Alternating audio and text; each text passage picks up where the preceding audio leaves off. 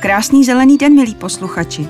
Máme tady další epizodu podcastu i receptář do ucha a s ním samozřejmě i dalšího hosta. Dnes si tu budeme povídat s Michalem Perlíkem, manažerem nákupu čerstvých potravin společnosti Rohlík.cz. Poradí nám, jak si maso vybírat, jak si ho připravit a taky nám doufejme prozradí, jaké jsou ve vaření masa nejnovější trendy. Vítám vás u nás ve studiu. Dobrý den. Dobrý den. Každému hostu tady pokládáme na úvod stejné otázky. Máte raději rostliny nebo zvířata? Určitě zvířata. Co považujete za svůj chovatelský úspěch? Tak já jsem uh, dlouhou dobu jsme měli želvu, když jsem byl malý, tak to jsme všude sebou tahali v takový cestovní taštice a udivovali jsme v tramvaji děti dospělí a poslední dobu jsem měl králíky a teďka máme psa, malý štěně, border collie. A co se vám jako chovateli nepovedlo? No tak toho je samozřejmě spousta, jo, takže přesně takový ty ambice, že kampes všude nesmí a uh, jak bude jako úžasně vychovaný a že nikdy nesebere nic ze stolu a tak dál, tak to zatím teda moc jako nefunguje a zatím je to spíš takový jako souboj, kdy a co, co se všechno povede a nepovede. No, ale jinak říkám, ty zkušenosti nejsou zase velký, jo. to pět měsíců s tím sčinětem, takže to je víceméně druhý dítě. A jaké zvíře je vaše nejoblíbenější? No, tak eh, právě jsou to ty králíci a pak mám vlastně rád i koně a máme takovou mm, neúplně velkou zahradu, tak jsem tak jako spekuloval, byť říkám, je to v oblasti spíš jako snu mít takového toho malého poníka na té zahradě, ale to se mi asi nikdy nepovede, a, a, ale jinak mám rád koně, to jsou krásný, ušlechtilý zvířata, takže se chodím občas koukat i na dostihy a, a, a když to jde, tak jsem si občas s zajezdil. A teď k našemu dnešnímu tématu, tedy k masu. Na úvod je třeba zmínit, že Rohlík.cz je největším českým online prodejcem potravin. Každý den přináší mimo jiné široký výběr masa a ryb. Tato nabídka je čtyřikrát větší, než jakou najdeme v běžných kamenných prodejnách. Co se týče masa, zároveň podporuje desítku rodinných farem. Jejich lokální výrobky nabízí na svém webu po celý rok. Unikátem je také výběr biovýrobků, celkem jich na rohlíku najdete přes 1500. Kromě toho má online prodejce koncept vlastního řeznictví, díky kterému může nabídnout skvělou kvalitu masa za ty nejlepší ceny. Tady se hned zastavím, co to znamená koncept vlastního řeznictví. Umím si to představit v supermarketu, kde mají pultový prodej masa, ale jak to chodí v obchodě, který je vlastně virtuální? Já bych to zkusil vysvětlit tak, že my se opravdu snažíme pracovat, teda nejenom, ale hodně s malýma farmářema, takže snažíme se udělat co nejpřesnější fotky, popisy, nebo zkoušíme ty lidi představit. Když si vezmu tady farmu Horák, který nám dodává vepřové maso kvalivo, tak Uh, jsou to konkrétní lidi, s kterými my se známe osobně, snažíme se s nimi potkávat a telefonovat si na denní bázi aby jsme věděli, jak se zvířatům daří, eh, jak rostou, jak funguje krmivo a i případně, jaký jsou nadzásoby nebo případně nedostatky v určitý období, protože my se vlastně zavázali, že u těch farmářů se půjdeme pokoušet brát celou jejich produkci, když to vezmeme na to zvíře jako takový.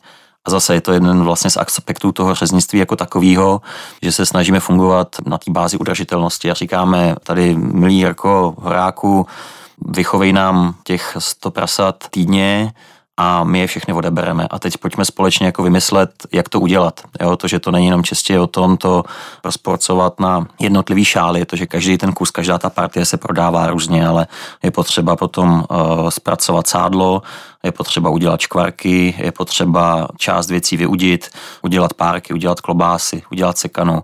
A prodáváme ty zvířata celý, tak aby opravdu nezůstal nic na zmar. A poslední taková věc, kterou jsme vlastně dlouhou dobu pouze zvažovali a pak jsme vlastně řekli, proč vlastně ne, začali jsme prodávat kosti a teďka v současné době jsou třeba hit.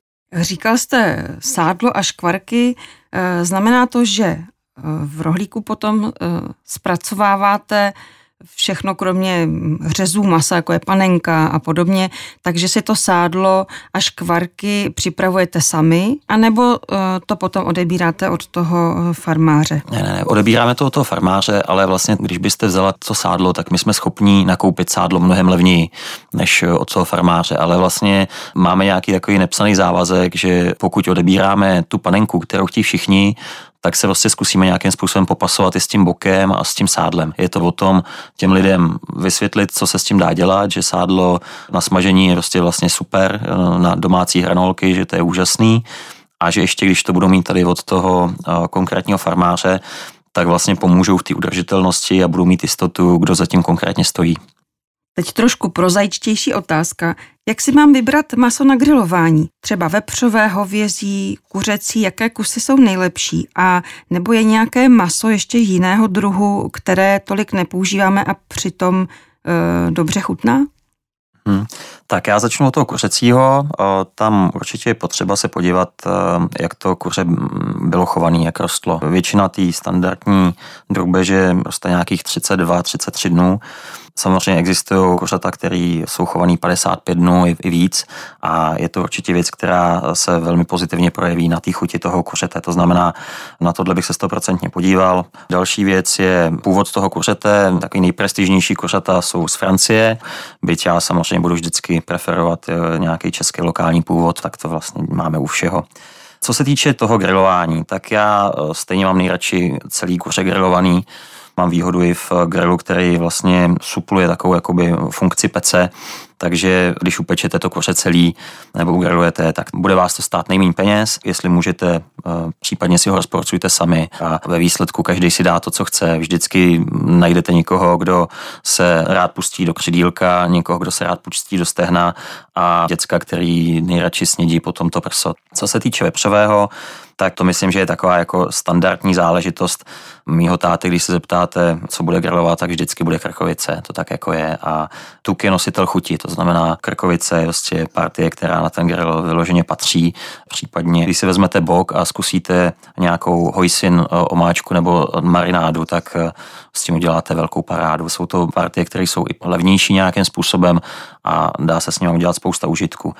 U hovízího masa tak eh, tam těch možností je velká spousta, to je asi na samostatný pořád a je na každým a na těch osobních preferencích a pro koho grilujete. Jestli budu grilovat pro ženský s dětma, tak bych se pustil samozřejmě do svíčkový. Je to nejdražší partie, ale budete mít jistotu, že to všichni snědí a že když to neuděláte úplně rare, tak eh, že vás asi všichni pochválí. Když budete grilovat pro partu kamarádů, tak si myslím, že s T-bonem nebo rib uděláte největší parádu zase tam. A je ještě nějaké maso, které jsme nezmínili, jo. které byste nám doporučili? Jo, určitě jo. Já mám třeba strašně rád zvěřinu. A uh, myslím si, že byla v České republice strašně opomíjená, přitom je to tradiční záležitost a v současné době už je zase e, ta nabídka je širší a e, pokud tím někdo zkušenost nemá, tak se toho vůbec nebojte. Pokud je ta, to maso dobře odblaněný, což v současné době už bývá, tak ta chuť je vynikající a zase stačí stejný typ úpravy, jako je u hovězího masa a případně u divočáka je to samozřejmě spíš bližší jako tomu vepřovému. Takže doporučuji vyzkoušet zvěřinu. A jakou nejzajímavější grilovanou pochoutku jste kdy ochutnal? No, tak když o tom přemýšlím, tak asi to byla Afrika, když jsme lezli s kamarádama na Kilimanjaro, tak pak jsme si chtěli udělat trošku volno, tak jsme se zastavili v takový restauraci typu Brazileiro, kdo znáte v Praze, takže bylo takový all you can eat na grilu. A tam samozřejmě krom toho, že měli běžný hovězí, tak tam měli že velbloudy, měli tam pštrosy, lamu, měli tam krokodýla. Takže asi ten krokodýl. Jak to chutná? Blbě. To takový žvejkavý, hodně, hodně tučný až moc, takový, eh, nebyl jsem z toho nadšený a zase jsme se zpátky vrátili k tomu hovězímu, ale člověk odzkoušet má asi všechno, takže jsme rádi, že jsme si to zkusili a zážitek to byl, stoprocentně.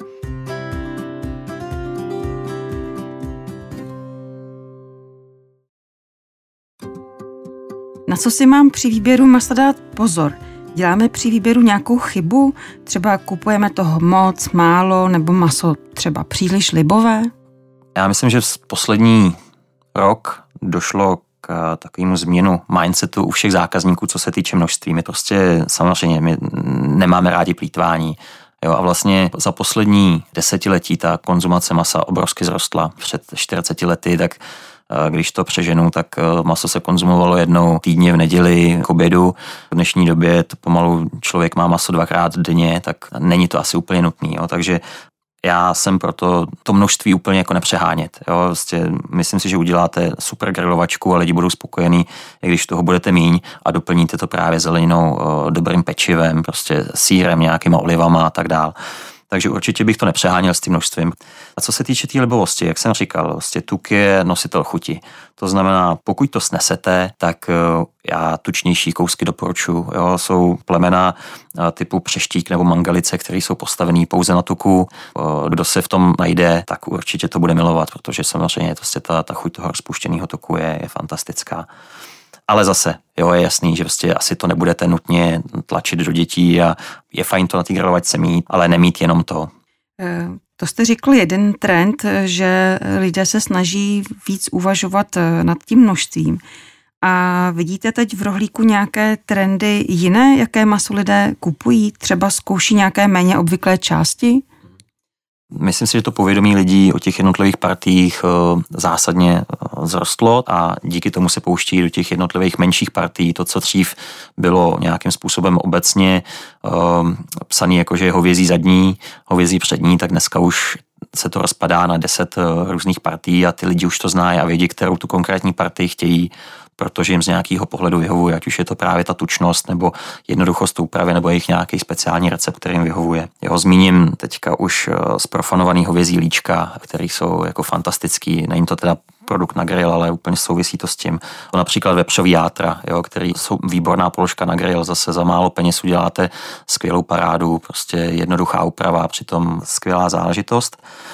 Další samozřejmě obrovský trend jsou hamburgery a, mletá masa. To je prostě obrovský fenomén a ty prodeje každoročně stoupají. U nás tím, že máme hodně zákazníků, dětí a maminek, tak máme v současné době tuším nějakých 21 druhů hamburgerů, nebo vidíte spoustu festivalů, které jsou zaměřený jenom na burgery a ten trend zase je to snižování toho objemu, takže říkáme, hele, nedávejte si jeden obří hamburger, dejte si tři malý, Teďka velmi populární jsou cheeseburgery, kdy už do té směsi namelete cheddar. Čím tam toho cheddaru máte víc, tak je to samozřejmě šťavnatější, tak je to fajn, můžete tam mít jalapenos, jeden si dáte somáčku a máte tři různé recepty.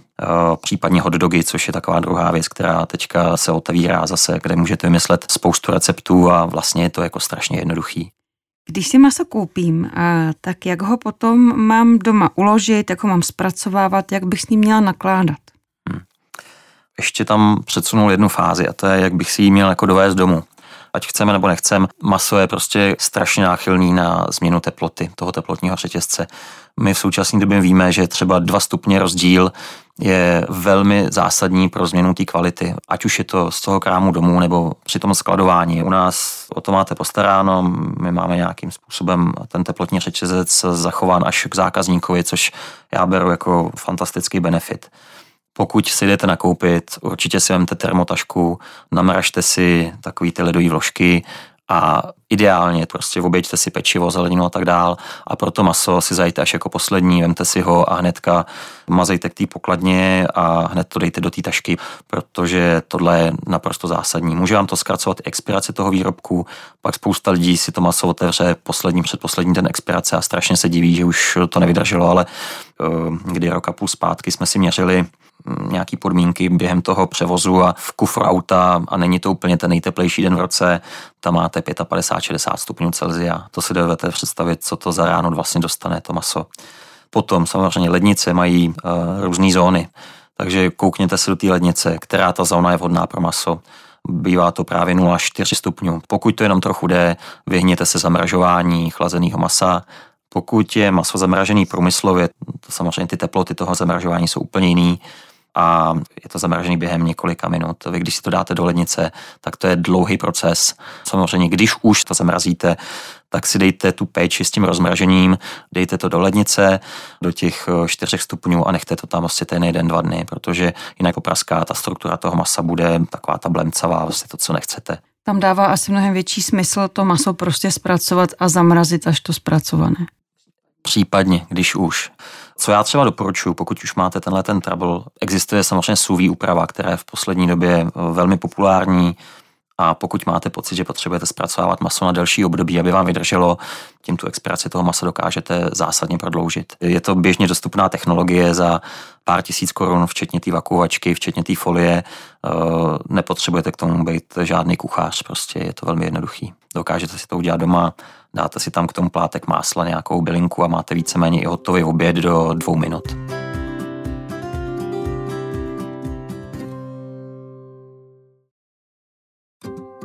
Když se vrátíme ke grilování, mám, dejme tomu, krkovici, kuřecí stehna a steak.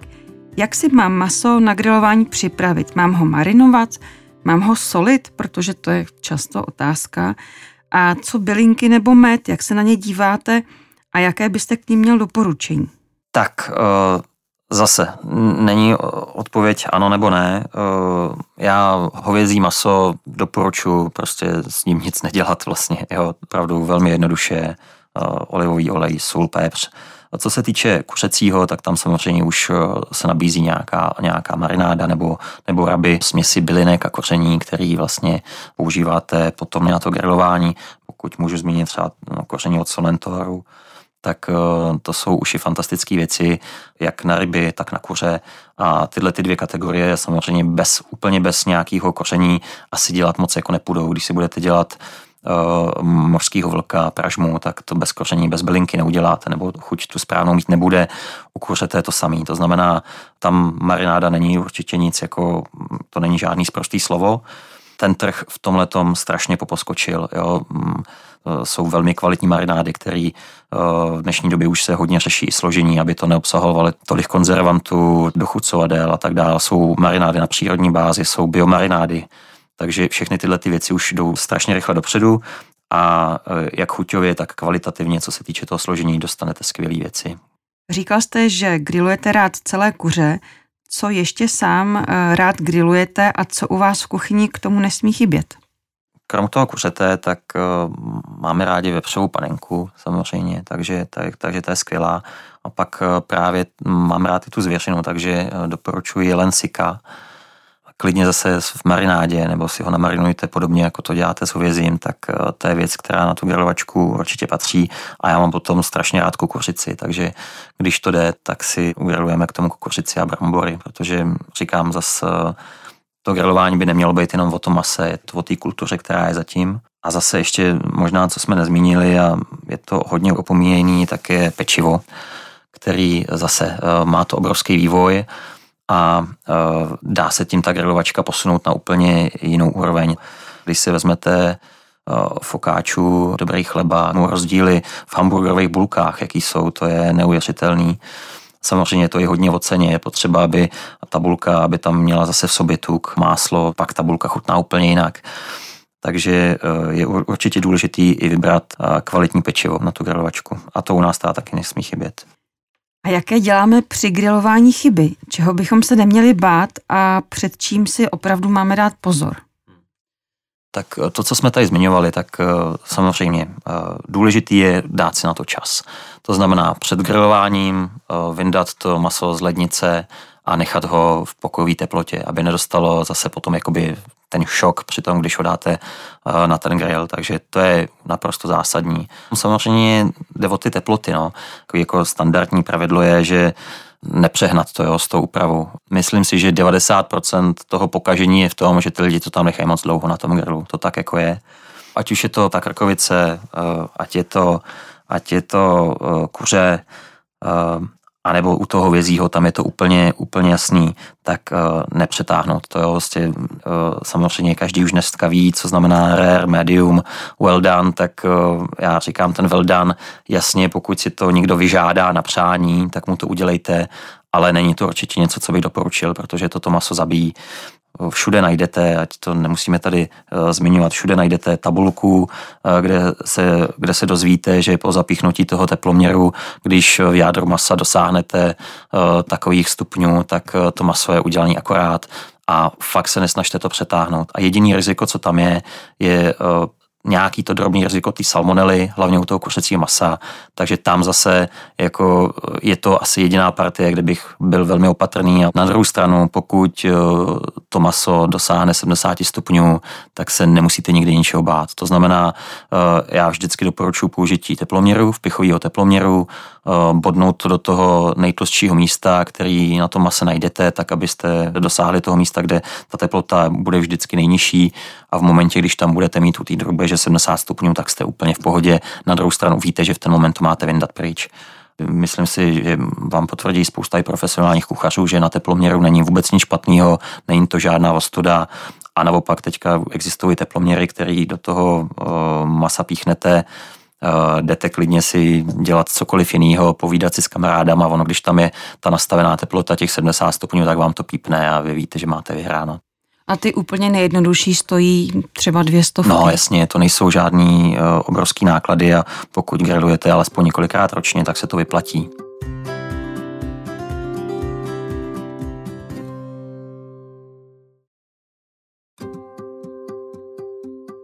Jak se mění zájem zákazníků? Jakým směrem rozšiřujete sortiment, když zůstaneme u masa a všeho, co s tím souvisí? Třeba jaké omáčky nebo koření se prodávají čím dál víc, po jakých je poptávka? Tak eh, máme velký portfolio produktů s marinádou, máme vepřový, hovězí, kuřecí, máme tu zvěřinu, je potřeba mít ryby s tou marinádou, takže vlastně, vlastně to těm lidem jakoby eh, nějakým způsobem zjednodušit. Máme spousta zákazníků, nebo ne jenom našich zákazníků, samozřejmě obecně, vyhledává i nějaký formy pikniků a tak dále. To znamená, chcete si ten grill nebo to maso vzít někam na louku s kamarádama, vzít si sebou pojízdnou ledničku a tam si udělat hezký večer, tak tam se vám samozřejmě už to naložené maso nebo maso v té marinádě hodí a není to vůbec nic špatného. To znamená, je to tenhle ten způsob vlastně zjednodušení té úpravy, jsou to souví produkty, jo, zase žebra, koleno. V dnešní době suví žebra jsou skvěle udělaný, ta doba té přípravy, to jsou řádově spíš minuty než desítky minut a hold jako dřív jste museli ty žebra dělat hodiny a teďka to máte za 10 minut hotový a vlastně je to pořád jako fajn. Takže suví úprava, eh, marinády, špízy, různé formy, souvlaky, masové kuličky a tak dále. Takže tyhle ty věci, co sem jdou z té ciziny, tak, eh, tak určitě to tady je. Plus samozřejmě halumy, tak taky je velký trend.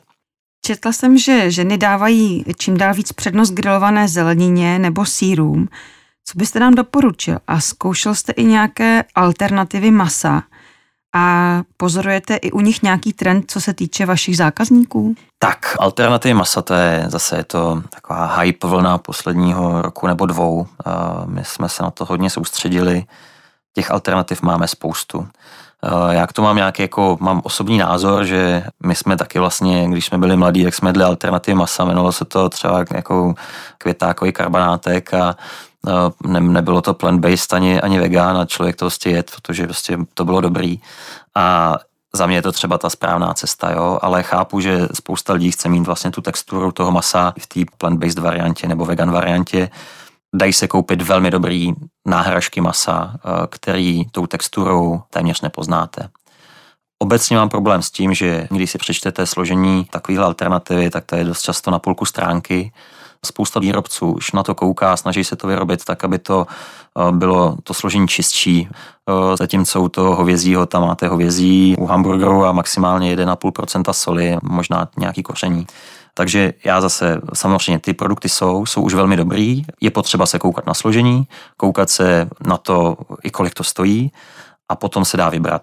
Ale jinak já stále doporučuji, že pak existuje kukuřice, paprika, lilek, eh, cuketa a s těma věcmi uděláte skvělou parádu. Uděláte skvělou parádu se sírama a není to jenom hermelín teďka, který dostanete 15 různých variantách s předpřipravenýma omáčkama, tak aby se to dobře párovalo, ale může to být oštěpek nebo další druhy slovenských uzených sírů, který na tom grilu chutnají fantasticky, taky halumy. Takže zase za mě, pokud ten člověk jako nepotřebuje nutně tu texturu toho masa, já jsem spíš proto jít prostě nějakou takovou tou méně násilnou variantou a zvolit produkty, které prostě používáme leta nebo desítky let a na ten grill vždycky patřily brambory, že jo, zase jenom s olivovým olejem, dají se na tom grilu upéct. Já si na grilu dělám pizzu nebo pincu, italská záležitost. Dáte tam mozzarellu, rajčata, prosciutto crudo nebo bersaulu a máte fantastickou věc. A to bylo pro dnešek všechno, milí posluchači. Naším hostem byl dnes Michal Perlík, manažer nákupu čerstvých potravin z největšího online obchodu s potravinami Rohlík.cz. Děkuji za rozhovor. Díky a naschle.